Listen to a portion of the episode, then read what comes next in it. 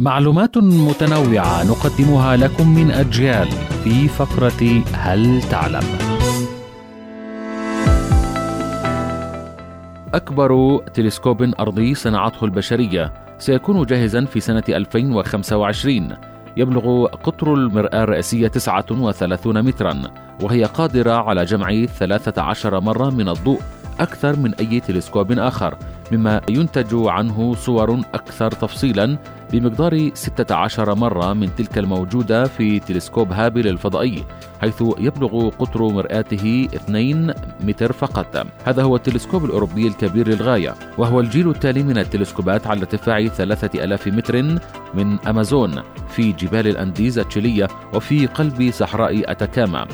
سيعمل التلسكوب في مجال البصريات والأشعة تحت الحمراء وهو أمر أساسي للحصول على معلومات عن مناطق تشكل النجوم أو الغلاف الجوي للكواكب البعيدة أو المجرات البعيدة التي ينزاح إشعاعها إلى الأحمر بسبب المسافة الكبيرة جداً.